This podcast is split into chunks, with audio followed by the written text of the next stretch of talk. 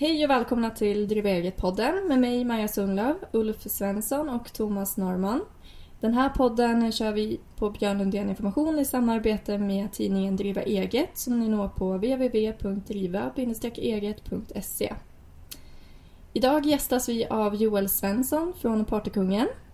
Välkommen. Hej, hej, tack. Eh, mitt namn är Joel som sagt och eh, jag startade Partykungen för nio år sedan och driver eh, våran grej är att vi säljer maskeradkläder och partyprylar på internet.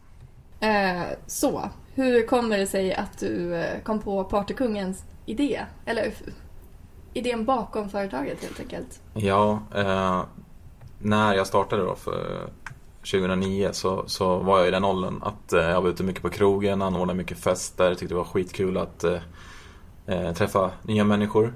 Eh, och såg väl att det fanns ett behov eh, av just den typen av produkter vi säljer. Det fanns liksom ingen svensk aktör som gjorde det bra och sålde maskeradkläder eller partyprylar på internet. Utan, eh, jag såg ett hål i marknaden som många andra företag som startar. Eh, samtidigt så eh, hade jag precis eh, slutat gymnasiet och behövde ha någonting att göra. och tyckte det var lite tråkigt att gå till Arbetsförmedlingen så då startade jag företag istället. Modigt ändå. Ja, absolut. Eh, och jag, jag, har min mamma att tacka. Jag brukar alltid säga tack till mamma i allt, alla sådana intervjuer som jag gör. För att eh, hade, utan henne så hade det inte funnits något företag och det har att göra med att eh, när, när eh, hon fyllde 50 år eh, så skulle jag ge henne en present. Och som alla som känner mig vet att jag är ganska dålig på att planera saker. Så jag kom ju på samma dag att jäkla morsan fyller 50 idag. Vad ska jag, göra? vad ska jag ge till henne? Alla affärer var stängda, jag tror det var en söndag. Um, så jag skrev ett presentkort. Jag skrev ut ett presentkort på datorn och så skrev jag att hon skulle få ett jobb. Uh, så det är egentligen det som är starten till Partykungen. Då visste jag inte riktigt vad eh, för jobb hon skulle få. um, och hon hade varit arbetslös i många år innan dess också. Så att, uh, det var som mitt sätt att ge tillbaka för att hon hade tagit hand om mig eh, under hela min uppväxt. Vad fint. Men då var det din mamma som gav dig drivet och motivationen till att fortsätta för jag antar att det måste ha varit tufft i början som det är för de flesta företagen i början. Ja, exakt. Eh, en stor del av motivationen var, var att hon skulle kunna ha ett arbete och leva på det och få ut en bra lön. Eh, och det är tufft i början. Jag tog inte ut någon lön själv första två, två och ett halvt året. Eh, Medan hon fick en lön från dag ett för, för att kunna jobba. Och det är svårt. Det tog nog åtminstone två år innan vi fick lite snurr på verksamheten. Mm. Men hur gick du tillväga då för att starta upp det? Du eh, har du liksom bakgrund i att eh, skapa webbutiker så, eller hur? ja, min bakgrund är väl att eh, redan i högstadiet så om man ser till mig som entreprenör så kommer jag ihåg att jag köpte in så här backläsk. Man kunde köpa 24 stycken läsk för 2 kronor styck. Och sen sålde jag dem för 5 kronor på skolan som jag gick där. Hade det backen i skåpet. Efter det, alltså jag har alltid haft sinne för affärer på det sättet tror jag. Eh, men, och även intresse för datorer. Och eh, jag är uppväxt i den generationen som verkligen föddes med internet. Även fast internet fanns ju inte när jag var jätteliten. Men det kom liksom naturligt. Eh, och såg eh, många bra affärsidéer med internet. Så att mitt första företag jobbade med marknadsföring åt andra företag på internet. Eh, och då tänkte jag så här, varför ska jag hjälpa andra företag att få kunder när jag kan vara det företaget? Så då sålde jag mina aktier i det här internetannonseringsföretaget för att kunna starta Partykungen. Mm. Eh, och vi jobbade med bland annat att hjälpa andra e-handlare att få nya kunder. Så då tänkte jag att jag kan ju ta den kunskapen och använda det i ett eget bolag. Då. Men eh, jag som jobbar på Björn Lundén, vi har ju också en webbutik så jag vet hur krångligt det kan vara med just eh, webbutikshemsidor. Men eh, importerar ni, alltså hur gick det tillväga? Eh, ni köpte in en massa partyprylar, Ja, alltså, det jag har lärt eller det, Jag började lite bakvänt. Eh, vi, skulle, vi hade ju en releasefest till att börja med för det var skitviktigt att man skulle ha en fest och fira att man ska starta företag och sådär. Eh, och det roliga är att det skulle vara en maskeradfest. Vi hade tänkt så ja, nu ska folk köpa maskeradkläder hos oss eh, för att vi startar den här butiken och så kommer de på festen. Men sen visade det sig att det var ganska komplext med att starta en webbutik. I alla fall för för många år sedan, eller för åtta år sedan när vi startade. Eh, så att vi blev aldrig klara med den här butiken mm. i tid till releasefesten. Så vi fick ju hänvisa de här, vi var ändå 100-150 personer, att handla hos våra konkurrenter. Det var lite Jaha. roligt. Men som sagt, det har ju min, min bakgrund med att jag älskade att göra olika temafester och sådär. Eh, men från början då så eh, letade vi på lite svenska grossister som sålde sådana här produkter. Ett tips där och det funkar fortfarande. Kolla på vilka är branschledarna i det här idag. Eh, för vårt fall då fanns det typ bara Buttericks och mm. till butik. Så då la vi lite beställningar hos dem och så vände vi på förpackningen på den här peruken och, ja, och så såg vi vem det var som hade tillverkat den. Och så gick vi till tillverkaren och sa hej kan vi få köpa den här peruken. Ah, smart. Ja, och det, det är väl det enklaste sättet att hitta produkter på i alla fall. Sen finns det ju många andra bra vägar och, och nu för, tiden finns det ju mässor man kan åka på. Um, jag var på en partymässa förra året till exempel som bara ställde ut massa partyprylar. Liksom. Så det, det, det, finns alla möjligheter att hitta bra leverantörer. Mm. Uh, och i början hade vi kanske 400-500 produkter vilket jag tyckte var jättemycket i det lilla rummet på 20 kvadrat eller vad vi hade hyrt mm, Idag har vi nästan 20 000 produkter så att man kan ju bredda det eftersom då. Mm. Men eh, hur fick ni tag på nya kunder? Hur skulle ni locka de som traditionellt då gick till Buttericks och handlade in maskeradprylar till istället att gå till er hemsida och beställa hem grejer? Mm. Det jag märkte när jag startade den här butiken var att vi hade mycket lägre omkostnader som en e-handlare än vad de traditionella butikerna hade i och med att de var tvungna att ha ett fint affärsläge eh, betala dyr hyra. De hade ju massa personal. Alltså tittar man personalkostnad per order i en fysisk butik så är den ganska stor. Eh, så det vi började med faktiskt, eh, och det som jag kan ångra mig lite efteråt, men det, det, var ett väldigt bra sätt att komma in i marknaden, det var att vi hade bäst pris på allting. Mm. Vi kollade, okej okay, en guldhatt kostar 79 kronor på Buttricks, då tar vi 49 kronor. Mm. Så då kunde vi alltid få in dem den vägen på att vi var billigast. Nu för tiden vill vi inte marknadsföra oss som billigast, utan vi ska vara prisvärda, men framförallt ska vi ha en grym service till kunden. Men fördelen med e-butik är just att du kan hålla mycket lägre overheadkostnader än en traditionell butik. Mm. Varför ångrar du dig att ni körde så billigt i början? För att det var ganska jobbigt sen när vi kom på att eh, visst, vi kan ta den här eh, vi, vi, har inte så mycket kostnader, det var jag och mamma liksom.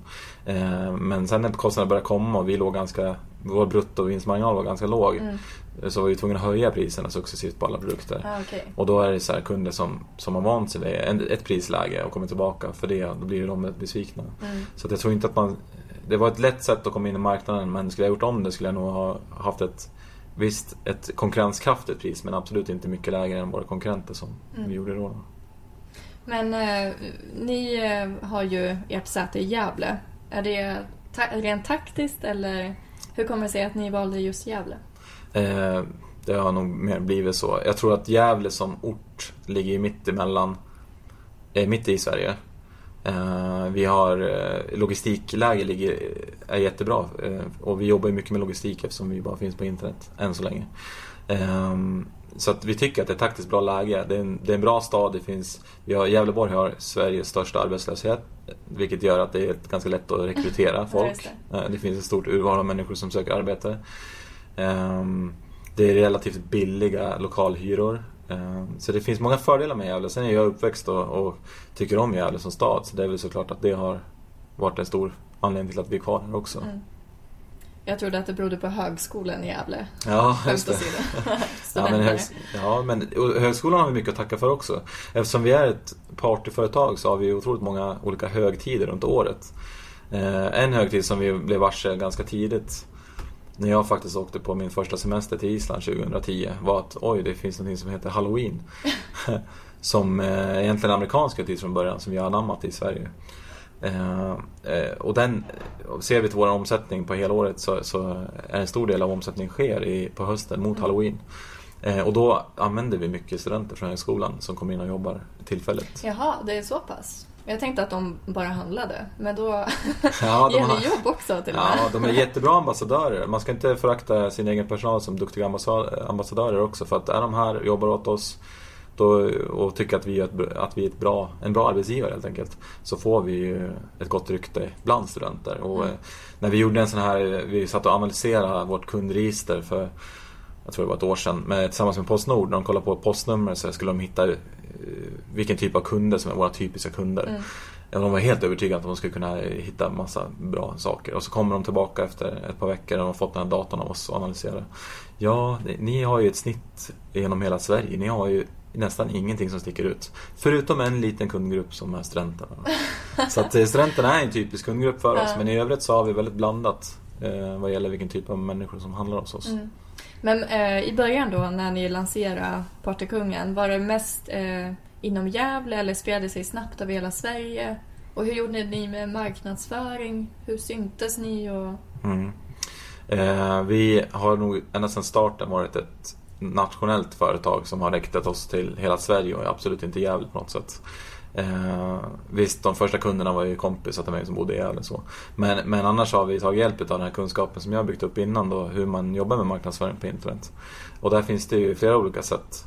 Eh, det absolut enklaste och det som de flesta företag börjar och använder sig av mycket är ju att ha en bra relation till Google. Som ja, eh, äger de 95% utav mm. söktrafiken på internet. Och där kan man ju köpa annonser. Går söker de efter maskeradkläder till exempel så finns ju vi där med en annons. Eh, men sen jobbar vi också mycket med att få väldigt nöjda kunder som kan rekommendera oss vidare. För att har vi en nöjd kund eh, som pratar med tio kompisar på den här maskeradfesten och säger Fan vilken cool kostym. kostym. Får man svära i radio? Ja, det får man. så, så får vi tio nya kunder. Så vi jobbar väldigt mycket med den typen av marknadsföring. Att, mycket goodwill. vi jobbar med studenter, olika studentföreningar. försöker hitta samarbeten med nu är det så inne med att man ska, man ska samarbeta med influencers, alltså ja, Youtube eh, och, och, olika bloggar och sådär. Så vi, och det är vi också ganska duktiga på, med sociala medier och sådär. Ja. Det fanns ju inte så mycket sociala medier när vi startade 2009 utan det är ett fenomen som har fullkomligt exploderat. Mm. Och som allt annat så var det ju väldigt billigt med marknadsföring i början. Sen kommer det fler konkurrenter. Eh, de här eh, Youtube-stjärnorna lär sig att ta betalt ja. för sina inlägg och sådär. Så det blir svårare och svårare hela tiden. Men än så länge, jag tror att vi är E-handeln i sig och internet är fortfarande i sin linda. Liksom. Det finns mm. väldigt mycket kvar att hämta. Hur är det med konkurrenter i den här branschen? Finns det någon konkurrent, förutom Buttericks förmodar jag? Ja, nej vi har inga konkurrenter, vi har bara kollegor brukar vi brukar ja, säga. det och det är faktiskt så, vi, ju, vi vill inte se varandra som konkurrenter utan jag tror att eftersom vi har så mycket olika högtider på ett år mm. Eh, så kan alla hjälpa till och lyfta dem så att folk blir medvetna om att fasen vad kul, nu kan vi fira St. Patrick's Day som är Irlands nationaldag. Mm. Så hjälper det oss också. Så att ju fler eh, konkurrenter inom citationstecken som öppnar desto bättre är det för oss mm. faktiskt. Eh, nu är vi störst, vad jag vet, i Sverige på, på den typen av nisch som vi är verksamma inom. Då. Eh, vi gick om Buttricks omsättning för ett år sedan ungefär. Okay. Men, eh, och då tänker vi så här att jag är, jag är hellre personligen en underdog som, som ser, tar marknadsandelen och försvarar mig längst upp. Mm. Eh, så, så, vårt mål nu är inte att bli ännu större i Sverige nödvändigtvis utan att vi tittar på andra marknader där vi kan göra samma sak som vi gjort i Sverige. Mm. Och det kan ju vara Norge, Finland och Danmark till exempel som ja, ligger väldigt nära oss. Precis. Eh, framtidsplaner då? Eller till att börja med, hur hanterar du att ditt företag växer så pass mycket som det gör? Från två anställda till, vad är det nu, 15? Anställda? Ja, vi är 32 stycken 32? Ja. 15 googlade jag på. Ja, vi var nog 17 stycken förra året. Men det, ja, det går fort eh, fram. Ja, verkligen. Eh, och så är det ju lite grann också. Vi har ju dubblat omsättningen ifrån, i princip ifrån första året och framåt. Inte riktigt sista året. Det blir svårare, när man är uppe i 100 miljoner så är det klart att det är svårare att gå till 200 miljoner mm. nästa år. Va? Men, eh, men hantera det gäller att ha bra medarbetare kring sig. Och det har jag verkligen lärt mig att eh, eh, ju mer jag kan lyfta bort från mina axlar till andra som är duktiga på det de gör inom företaget, desto mer kan jag fokusera på att fortsätta växa företaget. Mm. Eh, så det är väl ett tips. Eh, jag har inte ens, även om jag startade det här själv en gång i tiden tillsammans med mamma, så har jag också haft en, en kollega som, som är delägare som kom in ganska tidigt och det har också hjälpt eh, företaget väldigt mycket i och med att då slipper jag själv sitta och ta alla mm. beslut och sådär. Hur är din roll som VD eh, på det här företaget då? Hur, mm. vad, vad, gör du, säga? För, för det första så, även om jag är VD på pappret så brukar jag säga att vi är som Miljöpartiet. Vi har två språkrör på det här företaget. Det är jag och, och min kollega Jeff då, som delar den här VD-rollen lite grann. Eh, så det beror på lite grann vad vi tar för vad det är för typ av beslut eh, vi tar och sådär. Om det är han eller jag eller om vi gör det tillsammans. Men vi är som Miljöpartiet, två språkrör. Mm. Men hur är det att vara VD på ett företag? Ja, det, det svåra är att det finns ju ingen över dig som säger Fan vilket bra jobb du gör. Du blir ganska ensam liksom. Och mm. därför är det också extra viktigt att man har någon med sig. Och sen är det väldigt kul också. Man får ju, jag har ju en fullständig konstnärlig frihet att bestämma egentligen allting som vi gör. Jag försöker inte lägga mig i detaljer och sådär men, men, det är väldigt roligt att få vara med och peta i, i princip i allting. Liksom. Mm. Och det gör jag än idag. Jag kan gå ut på lagret och säga den här tejpen lär vi byta ut till någonting annat. Liksom. Alltså, Mm. Just de här detaljerna gör ganska mycket. Eh, och så- och jag tror att våra, mina kollegor uppskattar också en, en ledare som är en av dem. Liksom. Mm, precis. Och här får man inte ha skor på sig. Nej, vi tycker om att vara nära jorden brukar vi säga. Mm. Och du kommer ju ner en bit om du tar dina, skor. Eh, Det ska kännas, jag tror det är en grej som följde med lite grann från tidigare också, att det ska kännas som att du är hemma lite grann när du är på jobbet. Eh, Vi har ganska påkostade och fina lokaler till exempel och det är ingenting vi gör för att vi tror att det ökar försäljningen utan det är mer för personalens skull. Och har du nöjd personal som trivs och går till jobbet och tycker det är trevligt då, då tror jag att man presterar bättre och då, det vinner ju företaget på också. Mm, absolut. Eh, en parentes, eller ett förtydligande, är att vi sitter och spelar in eh, podden i lokalerna. Så att jag vet exakt hur det ser ut här och det är jättefint. Är har klättervägg och eller pingisbord och... Mm. Ja, exakt. Vi, eh, jag tycker det är roligt med, med inredning. Vi hade en arkitekt här som var med och bestämde lite grann också. Och, eh, varje rum har en egen färg till exempel och symboliserar lite olika saker. Vårt konferensrum är helt rött till exempel, både väggar, tak och golv och sådär. Eh, och, och vad symboliserar rött då? Jo, men att man ska kunna ta de där riktigt jobbiga besluten och det gör man ju oftast i ett konferensrum till exempel. Men eh, namnet då, Partykungen, vart kom det ifrån? För att du själv var en partykung? Ja, ja, ja, det skulle man kunna svara och tycka att det var ett ärligt svar. Men ska jag vara riktigt ärlig så, var, så köpte jag faktiskt en, ett par blommor eh, för ett par år sedan på, ett för, på en blomsterhandel som heter Blomsterkungen. Aha. Och jag tyckte att det var, klingade ganska bra. Vi, vi i Sverige är ju ändå ganska så här monarkiska av oss och gillar ju kungen och drottningen och sådär. Så att det var ganska enkelt att bara lägga på till party innan eh, och så fick man Det låter som att vi är störst redan från början fast vi inte var det så att säga. Smart. Eh, men som sagt, eh, framtidsplaner då? Hur ser framtiden ut? Ja, om jag, sätter partykungens framtid så är väl vår förhoppning att vi ska kunna växa på nya marknader. Vi gick in nu i Norge i höstas eh, och tycker att vi har gjort en, en bra resa där redan. Norrmännen tycker uppskattar oss och våra produkter. Jag tror att vi kan göra samma sak i Finland och Danmark. Vi har registrerat ett varumärke som heter Party King i hela EU så att eh, vi kan ju gå till till, till, till vilket land som helst egentligen. Ehm, och, där, och då är tanken att visst, vi kan inte heta Partykungen varken i Norge eller i Storbritannien utan den engelska översättningen var ju ganska enkel att eh, ta då. Ja. Eh, jag kommer ihåg när vi ska köpa de här domänerna, det är också ett gissel med internet att man eh, till skillnad mot för en fysisk butik då som har en adress som man är på och där kunder går förbi och sådär. Mm. Så på internet finns det ju domännamn då.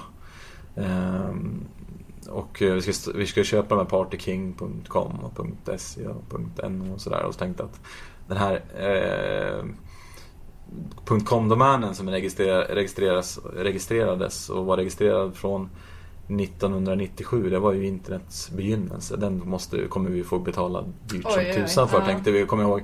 Men, men det var också den domän utav de här som vi har köpt som blev billigast. Är det sant? Eh, Så att det, det, det är väldigt eh, fascinerande hur internet fungerar. Verkligen. Jag har själv eh, faktiskt ganska nyligen gått in och tittat på hur mycket det kan kosta. Det är helt otroligt vissa, vissa Det är som domäner. alltså. Ja, det är som bostadsmarknaden brukar Ja. jämföra med. Att det, en, det känns nästan som en bubbla, att värderingar går upp hela tiden. Liksom. Eh, Du kunde köpa bingo.se, jag vet han Bingo mer flickfotografen där köpte ju den Ja. för, i början av 90-talet också. Och värderingen, ja, ja, det var en bra affär för honom. Liksom. Mm. Ja, otroligt. Eh, Men du har ju vunnit väldigt många priser som företagare. Så det måste ju vara ett kvitto på att du gör någonting rätt. Jag tänker på VD, att du är mycket ensam. Du får, har ju fått en jäkla massa priser. Ja, ehm, ja exakt så är det. Jag vet inte, mycket av det där är ju lite så här ryggdunk, eh, branschkollegor, eller kollegor emellan, eh, andra företagare liksom. Att man ska lyfta varandra. Och det är inget fel med det, det är jättebra för det behöver man verkligen när man Mm. är en egenföretagare och inte har någon chef som säger att man gör ett bra jobb. Eh, så det, vi, det ska vi vara stolta över tycker jag. Ehm, det finns eh, mycket att säga om, om, om det där också men eh, jag, jag är väldigt glad för, för alla utmärkelser och nomineringar. Jag kommer ihåg när jag stod i, i blå salen i, i, i Stockholm där jag skulle ta emot årets unga företagare 2014. För det första tyckte jag inte att jag var ung, jag, var 30, jag skulle fylla 30 år. Men, men, eh, och jag skulle dra något dåligt skämt med Mark Levengood som var så konferencier. Eh, det var lite pinsamt, men och en bra erfarenhet. Vad var skämtet? Kommer du ihåg det? Skämtet var ju, och jag vet ju att han drev lite grann med oss också eftersom vi säljer ju inte bara maskeradkläder utan tanken var att vi skulle ha allting för festen. Så att mm. vi hade ju ett sortiment, eller vi har ett sortiment som även är till efter festen. Ja. Vi säljer kondomer och sexleksaker och sånt där. Ehm, och eh, jag hade med mig en, en sexleksak som man skulle få ge till sin sambo. Jonas Gardell. Det var, ja, jag tror att de flesta i publiken tyckte det var väldigt roligt men ja. ja Okej. Okay. Um, ehm, jo, Eftersom eh, jag då kommer från Björlundén Information som tillhandahåller bokföringsprogram så är jag jättenyfiken på bokföringen. Sköter ni den själv? Eller alltså, har ni som en ekonomiavdelning eller hur, hur funkar det där? Ja, eh, för att göra det lite sammanfattat så har vi från start använt en byrå som hjälpt oss. Mm. Eh, vi, eller jag är en visionär, och jobbar jättegärna med de här stora frågorna i ett företag, liksom vart man ska eh, vart ligger vår framtid, vad vill vi göra, vilket sortiment vill vi ha och sådär. Och ekonomi kommer lite så här därhän liksom.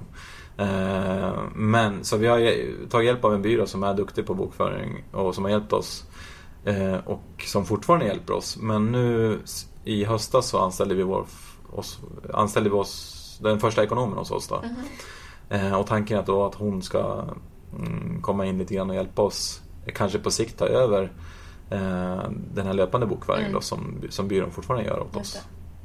Eh, men om du skulle ge tips eh, eller råd till nystartad företagare, ska man gå till en redovisningsbyrå eller eftersom du gjorde så eller vad, mm. vad är tankarna kring det? Jag tror eh, att det kommer komma jättebra, det finns redan, det är på gång som tusan, jättebra tjänster där du i princip bara kommer kunna ta en bild på ditt kvitto och så kommer tjänsten säga det här ska bokföras på det här kontot. Mm. Eh, så är man liten, alltså om man har ganska få verifikat, då tror jag att man ska titta på en sån tjänst. Det finns ett par stycken Digitala företaget. ja, exakt.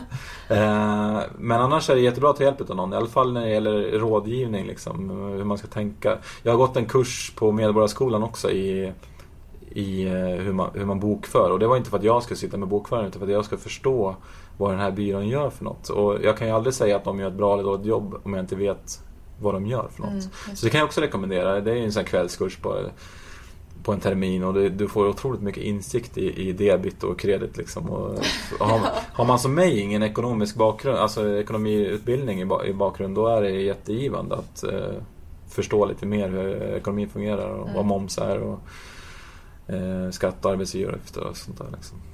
Så det kan jag rekommendera nu hoppar jag verkligen från ett ämne till ett annat. Men jag, när jag googlade på dig eh, inför den här poddinspelningen så kom den här somaliska piraten upp. Mm. Var det ett PR-trick eller var det, var det bara kalabalik från ingenstans? Ja, om jag ska sammanfatta lite grann där vad som hände så hade vi alltså en eh, maskeraddräkt i vårt sortiment som eh, som folk tyckte var lite rasistisk för det var en, eh, en mörkmålad pirat då eh, en piratdräkt. Eh, och som kom, spred sig på, eh, jag tror det började på Twitter. Det var någon politiker eller någon, ja, någon som hade många följare som tyckte eh, att det där var väldigt fel. Eh, och sen ringde P, P3 Nyheter upp mig och ville ha en intervju. Eh, och det var ju några år sedan. Eh, och sen dess har det varit återkommande varje år någonting de har hittat i vårt sortiment yes. som de inte tycker passar. Liksom. Och så är det väl. Vi jobbar ju lite med produkter som ska sticka ut och vara lite Vissa tycker de är väldigt roliga, de flesta tycker de är väldigt roliga. Sen kanske det är någon som tar illa upp. Och då får man ju som företag fundera så här, är det här någonting vi ska ha kvar eller ska vi tänka om? Vi vill absolut inte uppfattas som ett rasistiskt företag så i det här fallet så tog vi bort den här mm. produkten. Mm. Um, men, men, andra gånger har vi gjort annorlunda. Förra året, uh, vet inte om du kommer ihåg det, eller om ni andra kommer ihåg det, att uh, det var den här clownhysterin. Mm, uh, folk köpte clownmasker och gick runt och skrämde varandra. Mm. Och det var, jag tror det började i USA som en grej. så. Eh, då lät vi våra kunder, då ringde också tidningar och eh, journalister och sådär. Nu måste ni sluta sälja clowndräkter. Så här, och då tänkte jag liksom, det kan vi inte göra liksom, bara för att folk inte kan använda dem på ett bra sätt. Mm. Men, men okej, okay, vi låter våra kunder bestämma. Vi la upp en sån här rösta ja eller nej, ska vi ta bort clownmaskerna ur vårt sortiment? Mhm. Eh, och de allra flesta tyckte ju faktiskt som oss att det är inte produkten som är fel utan det är de här som, in, som skräms. Mm. Eh, och innan den där omröstningen var klar så hade ju hela den här hysterin lagt sig liksom. Men det var en jättebra PR-grej som du var inne på och Men det var inte med flit. det var absolut inte med flit. Nej. All PR är bra PR. Ja, inte all PR men mycket PR tror jag är bra Ja. PR. Precis. Men eh, hur funkar det med inköp då? Finns det liksom trender som går inom maskeradbranschen? Mm. Eller hur, eh, hur väljer man vad man ska köpa in helt enkelt? Jag antar att Harley Quinn måste ha varit riktigt eh, stort i år till exempel. Ja, exakt. Det kommer olika trender varje år. Och just inköp ligger mig väldigt varmt om hjärtat för att eh, även om jag sitter på den här VD slash språkrörsstolen vanligtvis så här jobbar jag mest med inköp här på företaget faktiskt. Eh, och då kommer det olika trender varje år. Om vi, om vi nu tänker på maskerad då så sätts ju oftast trenden någon gång på sommaren, hösten och sen eh, kulmen kommer det till halloween då i oktober. Mm. Förra året var det som du sa, eh, Harley Quinn var jättepoppis. Eh, vi, det var slut i hela Sverige så, och, så vi fick ju beställa från andra butiker utomlands för att vi, var, vi ville verkligen vara den här butiken som ändå har produkten i lager. Mm. Sen att vi inte tjänar en krona på den för att vi är tvungna att köpa den till konsumentpris på en Mm. utländsk sida. Så är det, det var en sån grej vi fick göra med Harley Quinn, kommer jag ihåg. Men eh, och för året innan det så var det zombies jättestor. Så eh, det, det har ju kommit en massa zombiewalks nu i Stockholm och Ja, Göteborg och sådär. Eh, kanske har att göra med Walking Dead, det har varit populärt. Det kommer lite olika trender sådär. Det som jag också märkte förra året och det som jag tror kommer bli gigantiskt i år, om vi nu får ge ett förhandstips till våra Mm. konkurrenter eller våra kollegor, eh, är det här mexikanska Day of the Dead-högtiden. Att eh, det är egentligen eh, Mexikos motsvarande, motsvarighet till Halloween då, att man klär ut sig. Det är ofta lite finare så här skelettmålningar och sånt där. Det tror jag kommer bli superpoppis i år. Mm.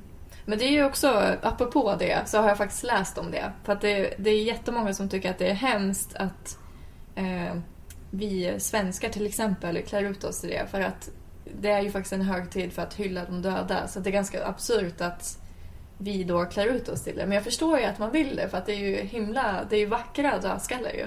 Mm. Men ja, Det kommer nog alltid finnas två falanger. De som tycker att alla helgon ska man lämna i fred. Man ska, inte, man ska fira de döda men man ska inte blanda ihop det med halloween och sådär. Eh, Jag tycker att man får göra lite som man vill. Eh, Det är ju inte fel att lägga fokus på, på de döda i och med att fira halloween heller. Liksom. Så det ena behöver inte utesluta det andra tänker jag. Precis.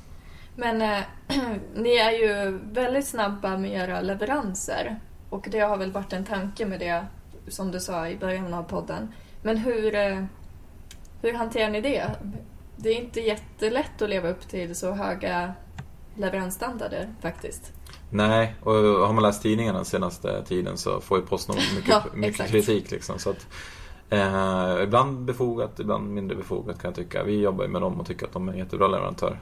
Eh, men ja, i början då, 2009 när vi då var vi, jag ska inte säga att vi var ensamma om, om väldigt snabba leveranser men då kunde de här gamla postorderföretagen, om man tittar på på Ellos eh, till exempel eh, ha en leveranstid på 7 till 14 dagar. Mm. Och vi sa så här, ja men lägg din beställning före klockan tre så skickar vi den samma dag och så har du den dagen efter. Mm.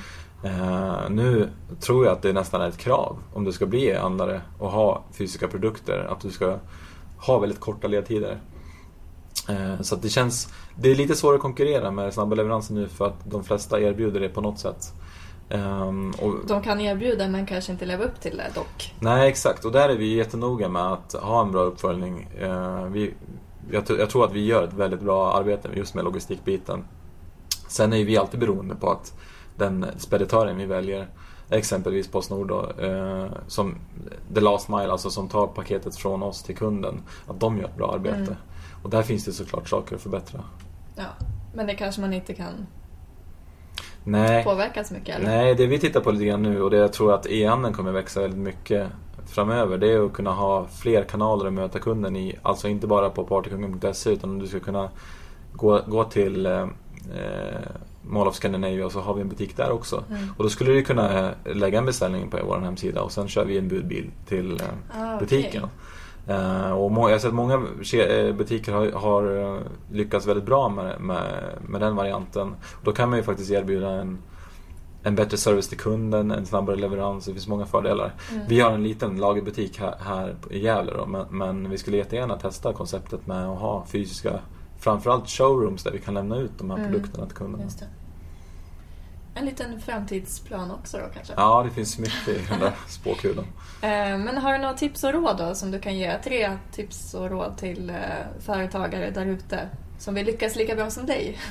Ja, jag sitter och funderar på vad som har det har misslyckats. Det är oftast det man lär sig mest utav. Mm.